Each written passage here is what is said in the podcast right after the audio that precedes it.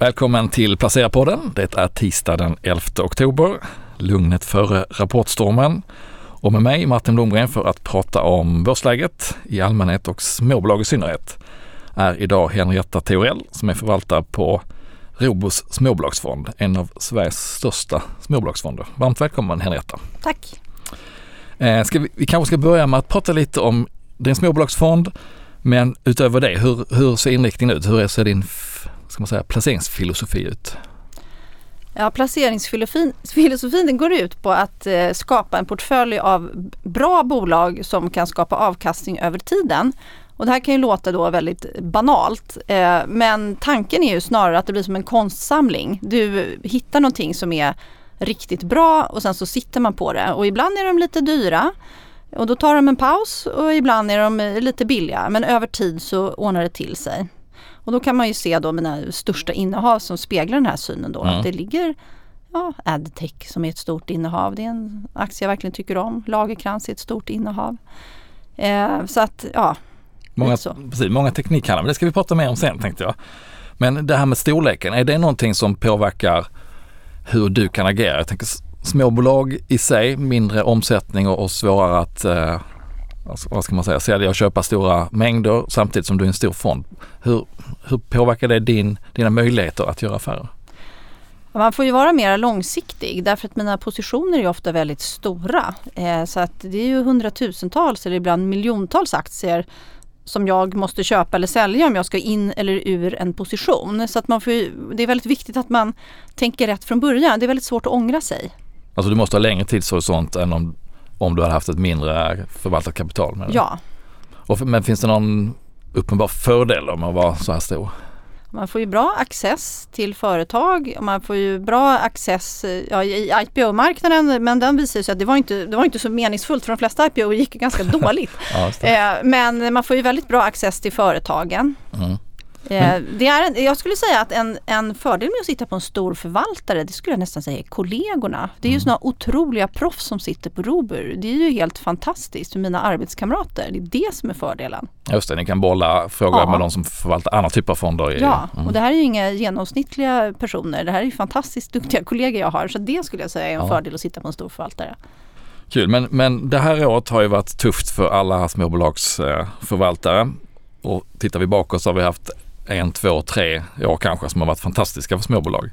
Hur, hur har det varit att hantera en, en småbolagsportfölj under det här året? Då? Ja, man blir lite tilltufsad får man väl säga därför att jag har förvaltat den här fonden i tre år och det har varit tre fantastiska år. Så det var ju alltid en solskenshistoria att prata om småbolagsfonder. Och sen då började det här året väldigt tufft när räntan steg. Och min inriktning då att köpa välpositionerade bolag som har bra marknadspositioner, hög tillväxt, de tenderar ju att ha höga multiplar och vara mm. ganska räntekänsliga. Så att om du har en räntekänslig portfölj med tillväxtinriktning och så börjar räntan skena. Det var inte rätt, bra. Nej, det var inte alls bra. Det var väldigt eh, blodigt i eh, januari och februari. Eh, börsen föll kraftigt, småbolagsfonder gick sämre och min fond gick sämre än index. Och det tycker man inte om när man är förvaltare för man vill ju slå index. Mm. Eh, så framåt februari så började jag känna mig enormt självkritisk eh, därför att världen har ju verkligen förändrats. Det här kriget i Ukraina då som är inte bara det mänskliga lidandet och alla krigets faser, det har ju även stört en massa balanser med varuförsörjning och det har skapat inflation och sanktioner. Eh, så att jag bet i några riktigt sura äpplen och gjorde ganska meningsfulla förändringar av den här väldigt långsiktiga, långsiktiga fonden jag har. Och jag kan väl då berätta då, de här sura äpplena jag bet i, de stora puckarna, det var ju att jag köpte in Saab. Mm. Och det här satt ju hårt inne, för jag hade ägt Saab förut och den hade gått sidledes. Men när vi pratar om att gå med i NATO och det är global kapprustning och det mesta viker neråt. Då känns det ju som att det här borde ju segla upp som en vinnare för du har garanterad efterfrågan i många år och du har även ny VD och du ny CFO. Så att förutsättningarna var ju mm. helt ändrade. Och en helt annan syn får man väl säga från omvärlden också eller från investeringsomvärlden ja. vad som var okej Och sen det, men sen är det också så här bittert när en aktie har gått Mm. och tycka att "Ugh, det är inte roligt. Men fanns det, nå- fanns det någon ESG-skäl att ni har stått utanför tidigare eller hade du fått äga den Jag hade fått tidigare? äga den. Okej. Mm. Eh, Den här fonden har ingen policy utan det var ett förvaltarbeslut. Så Mm. det är mitt, mitt beslut. Mm. Så det är därför var det ju extra tjurigt. Men jag, men jag eh, övervann det och Ja. gick in. Och det var ju bra för den fortsatte ju upp. Eh, och nästa sura äpple jag bet i det var att eh, jag hade faktiskt inga stapelvaror i fonden. För jag tyckte de såg lite för dyra ut. Eh, och Axfood hade ju gått som en raket så det tog ju emot att plocka in Axfood som då var en av Europas dyraste dagligvaruhandlare och dessutom hade gått upp. Men då tänkte jag på det här med matinflationen. Att det är ju de som vinner på det. Och sen så tänkte jag även på det här med konsumenten. Att jag fick lite katastrofkänslor och började tänka i termer av mat, vapen och sjukvård, nödvändigheter. Därför att när konsumenten trycks till och boräntorna skenar, ja då kommer man ner till att du måste kanske prioritera. Och då är det ju mat och vapen och sjukvård, nödvändigheter. Och sen så var det den andra saken som jag var tvungen att ta tag i. Man har ju en investeringsprocess som man följer och som man har författat för att man tycker att den är vettig. Eh, och då hamnar ju jag då i mina tillväxtbolag med pricing power och så vidare. Och sen så ser man då hur virkespriserna skenar, råvarupriserna skenar, räntan skenar och jag tyckte att jag har för lite, jag behöver lite value-aktier, jag behöver lite råvaruexponering. Så att jag eh, utökade positionerna i både Boliden och Holmen och Billerud. Eh, just för att lösa det här med de här sanktionerna och det där. Så det var ju lite sådär, ja inte egentligen kärn, inte kärnan i min process men jag försöker ju skapa en allvädersportfölj för man kan inte, jag vill inte ha för extrem positionering. Därför jag har ju så enormt många fondsparare så jag vill inte köra i diket fullständigt för att jag har någon eh, fix idé. Så jag brukar, eh, jag brukar ha lite stabiliserande pusselbitar här och där. Så jag hade de här aktierna redan men jag drog upp positionerna. Eh, och det var ju då tur att jag gjorde det. Och sen så läste jag en, en analys som fick väldigt, den gjorde väldigt stort intryck på mig. Det var faktiskt en, en engelsman som hade gjort en analys av engelsk retail. Och den har gjort ett pajdiagram och börjat resonera om elpriserna och hur konsumtionsmönstren ser ut för privatpersoner. Och det här pajdiagrammet då, det visade då de, de som har 30% lägsta inkomsterna och den lägsta halvan hur mycket av sin inkomst de la på mat och el och hur mycket de la på eh, möbler och heminredning och kläder och så vidare. Och då tittade jag på de här pajbitarna och så konkluderade jag att ja, men om maten och elen, de här pajbitarna blir 50% större, då finns det ju inget utrymme för kläder och heminredning. Eh, och det här är ju inte en engångsföreteelse. Det här är ju permanent. Eller for now i alla fall, Mm, för mm. överskådlig framtid. Så då tänkte jag att det här kommer bli en förfärlig höst för eh, retailers. Så att då, tidigt i våras, så sålde jag ut Dometic och Mips. Så sällanköpsdelen i småbolagsfonden är ju väldigt liten nu. Mekonomen har jag, för jag tänkte att ja, reparera bilen, det är ju inte någon lyx, det är någonting man måste Mm. göra. Eh, och så hade jag också Autoliv. Och då kan man ju tycka att ja, men bilar är ju definitivt sällanköpsvaror men Autoliv är lite speciellt därför att det har ju varit som komponentbrist så det finns ju som brist på bilar. Så då tänkte jag att Autoliv skulle ha ett eget tillväxtspår med alla de här ja, modellerna, ni vet backloggen, väntetiderna Mm, på bilar, att de kommer nog få sina ordrar i alla fall. Så en, kan man säga väldigt sned portfölj eh, avseende sällanköpsvaror i småbolagsfond Sverige för jag trodde helt enkelt att konsumenten skulle få det jättejobbigt framåt hösten. Och då har du sluppit en del vinstvarningar här på Ja, tidig hösten. Eller sluppit sitta med bolag i den. sen kan man säga att Sitsen. Mekonomen kom ju, ja, då blev, blev man ju irriterad för de kom ju med ganska dåligt resultat. Men då visade det sig då att ekono, Mekonomen i Norge säljer en hel del av sådana här saker som man tänker att Thule säljer. Takboxar och cykelhållare.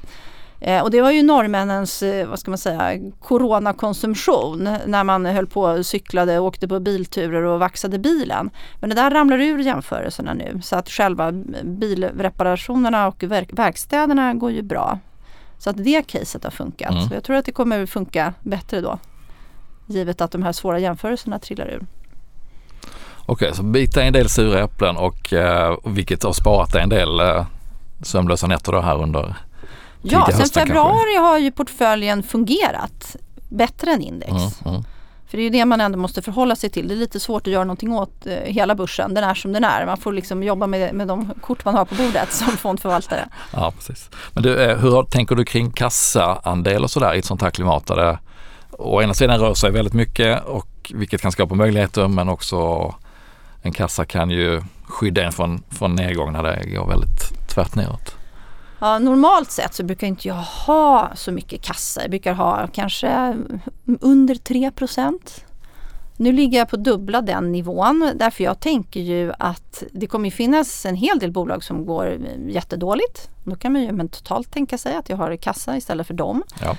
Eh, och sen så är det ju också att om det kommer nyemissioner till exempel eller om det kommer några eh, placings. Jag sitter ju och lurar i vassen på några placings som jag väntar mig. Och då vill inte jag behöva sälja någonting i den här marknaden utan då kan jag ha lite torrt krut och köpa det för.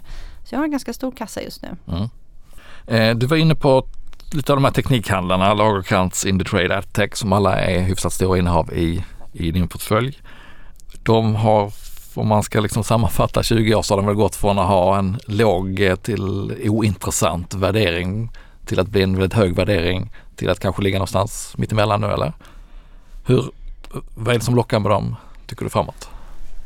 Det som lockar med dem är att jag ser det lite grann som delegerad småbolagsfondförvaltning. De här VDarna är ju jätteduktiga på att identifiera små bolag och köpa in dem och putsa på lönsamheten eh, med internt genererade medel.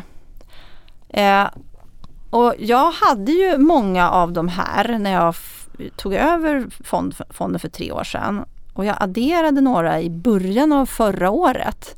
Sen blev det ju lite sån här compounder-hype när storskogen kom och alla skulle vara compounders och, och, och sådär. Jag vet inte, det är ju inte riktigt compounder om du gör en nyemission och så köper du bolag för dina nyemissionspengar. Det är inte riktigt det, det var lite så bastardsering av mm. begreppet. Så det här segmentet var ju ganska dyrt i slutet ja. av förra året. Och så gick de ner. Och då apropå det här att fonden är stor, att ibland är man, ja, om man kör en Finlandsbåt, då blir man inte så snabbfotad. Nu tycker jag att de här har kommit ner till vettiga nivåer. Sen är de ju fortfarande, de har fortfarande ganska höga multiplar. Men det som är så jätteintressant om man tittar på inriktningen på Adtech och Lagerkrans det är att de har mycket exponering mot kraftöverföring och elproduktion. Eh, så att hela den här problematiken vi har med att stamnätet är underdimensionerat och vi pratar om strömavbrott och ransonering och uppgradering.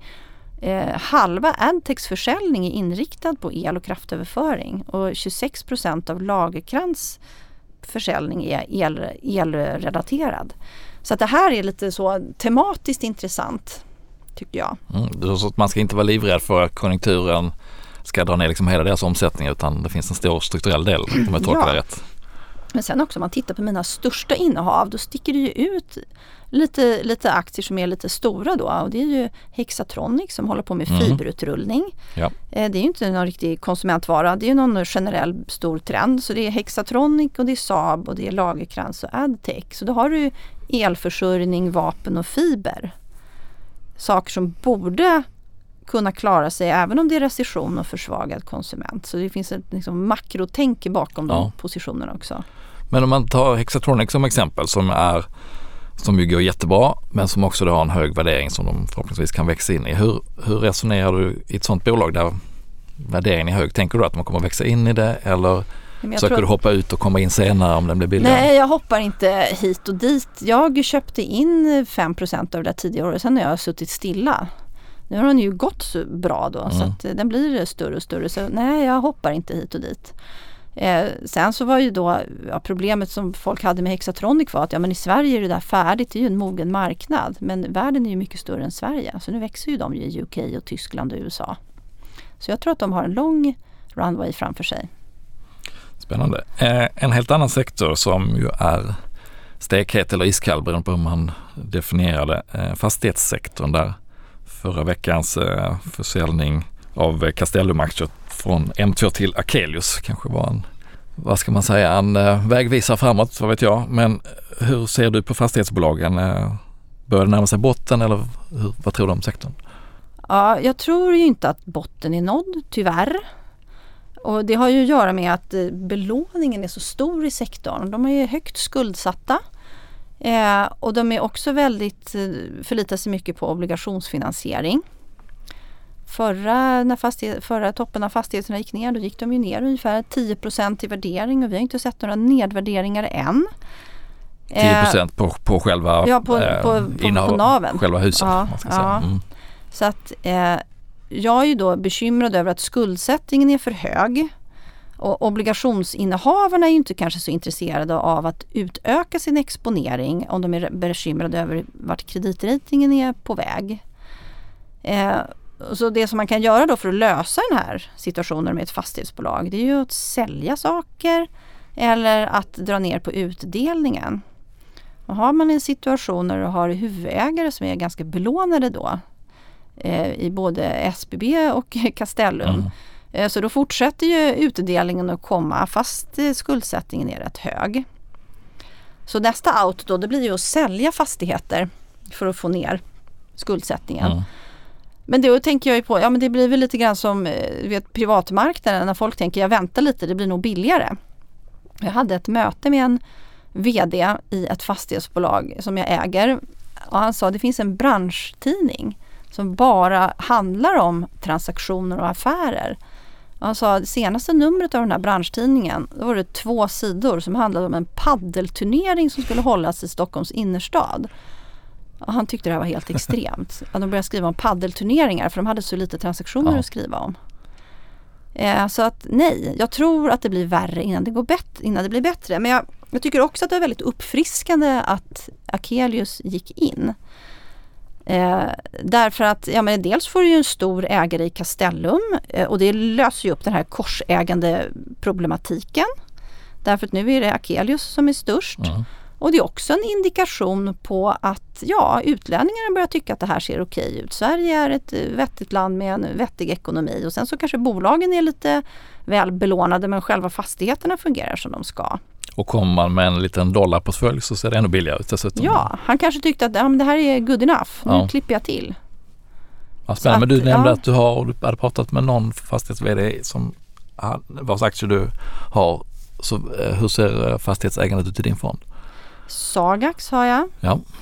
Eh, och så har jag Fastighetspartner, Vilborgs, Nyfosa, eh, Corem och Castellum.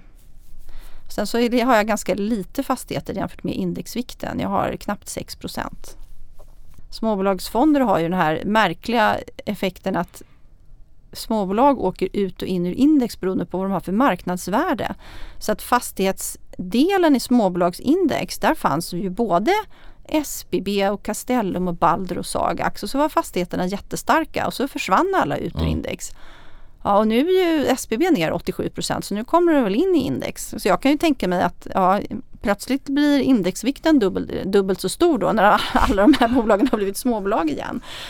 Att, men har eh, du en hård ribba då när, när börsvärdet går upp över någonting så måste du sälja eller kan du sitta nej, kvar trots? Jag, jag får sitta kvar men ja. jag får inte köpa mer. Ja, okay. Så att du kan rida med upp så att säga om det Ja, men sen så är det också en fråga om kundlöftet. Det ska inte vara hur stort som helst. Det är ändå en småbolagsfond. Men samtidigt är det inte så att man vill hålla på och trycka på säljknappen bara för att det är fel på någon miljard i värdering. Utan de där, det är glidande och det ändras ju månad för månad. Just det. Eh, jag förstod att du hade BioArctic också i portföljen eller?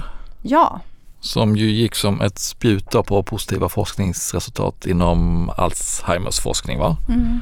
Eh, då får man gratulera till det. Men egentligen det jag undrar är hur resonerar du kring den typen av bolag då som där det blir ett väldigt binärt utfall. Ett dåligt forskningsresultat kan ju göra att aktierna går ner jättemycket och när det blir positivt som i det här fallet så skenar de. Hur, hur tänker du kring den typen av bolag och andel av portfölj och så vidare? Ja, jag har väldigt många tankar kring det där. Jag gjorde, innan jag började med det här så förvaltade jag bioteknikfonder i över tio år. Eh, och en konklusion är att tidiga bioteknikbolag är ofta väldigt övervärderade relativt den risk man tar. För det finns eh, bloggar och chattar och entusiaster som köper de här aktierna. Och det är inte riktigt någon som går emot och kortar dem för det finns inget intresse för det. Det är små illikvida saker som seglar omkring mm. i sin egen värld. Så att jag har ju som regel då att jag köper ju inte saker som inte har fas 2-data som ser bra ut. Det är, annars, det är alldeles för spekulativt. Eh, och i BioArctics fall så fanns det en väldigt stor fas 2-studie som publicerades 2018. Det var 855 patienter. Och den här fas 2-studien visade både att läkemedlet hade effekt och att biverkningarna var ganska lindriga. Eh, och det som brukar hända om man skalar upp någonting från fas 2 till fas 3 det brukar ju vara att ja, effekten finns kvar men du, men du hittar de sällsynta biverkningarna. Därför när du tar större populationer så hittar du dem. Eh, och i BioArctics fall så var ju biverkan att du fick hjärnödem. Och den hade du ju redan sett i den här studien. Så att min, min fasa var ju då eh, om det här skulle gå dåligt, att de skulle se mycket värre biverkningar. Men jag tyckte ju att biverkningarna såg ganska lindriga ut med de här hjärnödemen. Och sen så tänkte jag också att det som brukar hända när du gör en större studie, då går standardavvikelsen ner och då ökar den statistiska signifikansen. Så jag bara tittade på det här rent statistiskt och tänkte det mest troliga, det är ju faktiskt att det här fungerar. Sen är det då Alzheimer och 200 studier har gjorts och 198 har fallerat. Därför att det är jättesvårt. Mm. Du ska ha medicinen ska förbli, förbi blod-hjärnbarriären. Och Alzheimer är ju inte en sjukdom utan många, det är massa olika typer. Eh, så att det är jätte, jättesvårt. Men när jag satt och funderade på det här, det finns ju mediciner då, R-recept och Exelon och massa gamla mediciner. De har inte varit så jättebra. Men de var i alla fall inte farliga så folk fick dem. De, de hjälpte symptomen i ett par månader och de sålde ju för flera miljarder dollar. Och nu har ju då priserna gått upp, patientantalet har gått upp. Så att min bedömning var ju då att om det här fungerar då kan du få helt astronomiska försäljningssiffror. Mm, ja. Så att jag gick in i det här och då hade jag, jag var lite så här kallsvettig i september tänkte jag gud, jag kommer verkligen eh, utmärka mig om det här inte fungerar för det är nästan ingen som vågar äga det här. Då hade jag 1,1 procent av portföljen. Och då var min tanke då att ja men det här kan ju faktiskt flerdubblas. Och jag kommer inte förstöra den här portföljen fullständigt för det är faktiskt bara 1,1 procent. Men jag kan tjäna ett par procent om mm. det går bra. Och det är ju det mest troliga. Därför att det var en jättestor fas 2-studie med bra resultat. Så att sen är det ju så här, nästa intressanta fråga då som folk kommer in på då, när man har sett de här resultaten, det är hur bra var de egentligen? Så ett mothugg då, eller jag har hört eh, två, två mothugg då på den här studien. Då. Det ena mothugget är ju att ja men med eh, kost och motion så kan du få nästan samma resultat. Då tänker jag, det kan du ju hävda om diabetes och hjärtinfarkt också. Eh, det gäller ju för alla möjliga sjukdomar men du kan ju inte kanske prångla på en Alzheimers patient kost och motion. Eh, så det, det, är ju positivt men jag tror inte att det löser problemet. Och sen så det andra som jag tyckte var rätt intressant det är ju då man diskuterar hur meningsfullt det är därför att man har, med, man har fått nästan 30% i förbättring av en demensskala som går från 1 till 18. Eh, och då så säger man man har, man har förbättrat den med 0,45 enheter. Och då blir det här helt så här obegripligt. Vad betyder det här i verkligheten? Och då förklarade Gunilla Osvald som är VD att det det betyder i verkligheten det är att om det finns tre stadier på Alzheimer, mild när du fortfarande kan jobba men du har lite problem. Och, och sen så är det moderat när det är, eh, ja, vardagen är så jobbig så du kan inte jobba längre och sen så är det allvarlig och då hamnar du på institution. Eh, du kan köpa dig nästan två och ett halvt till tre och ett halvt år till i varje av de här. Och det innebär ju då att en tidig patient han kan leva ett normalt liv i två och ett halvt år till. Mm. Vilket är helt fantastiska nyheter. Och för institutionerna som ska ta hand om de här patienterna, då kommer de dit tre och ett halvt år senare. Det är ju jättestor skillnad. Så det är meningsfullt. Mm. Ja, det blir spännande att följa det här och eh, man får ju hoppas för alla som är drabbade av den här sjukdomen att, eh, ja. att det går vägen hela vägen. Ja, verkligen. om vi byter spår lite. Vi står inför en ny rapportperiod som väl drar igång, har väl egentligen dragit igång med en del småbolag redan men nästa vecka är väl när det på allvar tar fart. Vad är, vad, vad är dina övergripande förväntningar att vi kommer att få se? Jag tror att vi kommer att prata jättemycket om lagernivåerna. Mm. Därför att företag lämnar ju guidance på vad de ska tjäna ungefär på helår. De guidar inte på sina lagnivåer. Men lagnivåerna nu är ju höga för att folk har tagit höjd för att det var störningar i leveranskedjorna. Och samtidigt som man har tagit höjd för det så har konjunkturen vikit. Så det är ju en U-sväng och en tvärnit. Eh, så det här kommer ju då vara den stora diskussionen. Hur mycket överlager har man och vad ska man göra åt det? Det såg man i H&M till exempel mm. att det mm. var en stor issue. Mm. Men är det, är, är det något som är specifikt för småbolag tror du som kommer avvika den här rapportperioden eller är det, är det mer generella? Nej, småbolag har ju kanske mindre marginaler att hantera det men det är ett generellt problem. Globalt är lagnivåerna jättehöga. Eh, så att ja, ett bolag som har små marginaler och, och dåligt diversifierad portfölj, om, de har, om deras kunder slutar beställa saker, ja då blir det ju allvarligt. Så att, ja, det är alltid jobbigare att vara ett småbolag. Det går fortare upp för och fortare ner för. Så att, ja. Mm. Är du orolig för energikostnaderna som man kanske inte har ens behövt bry sig om på tio år i många bolag, att det ska poppa upp eh, kostnadsökningar som man inte liksom såg komma i? Jag tror att det kommer komma, det dyka upp på så här konstiga ställen och då tänker jag eh, ja, men även ett eh, sjukhus eller en kommun, de har ju också eh, elräkningar och maträkningar och den här inflationen som slår så hårt mot privatpersoner, de slår ju mot alla andra budgetar också.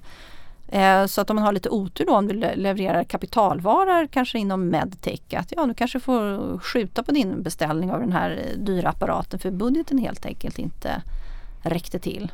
Ja just det, det blir som ett ytterligare ett led att ja. man drabbas indirekt av eh, inflationen. Ja, att capex-budgetarna mm. går ner för du får inte ihop det.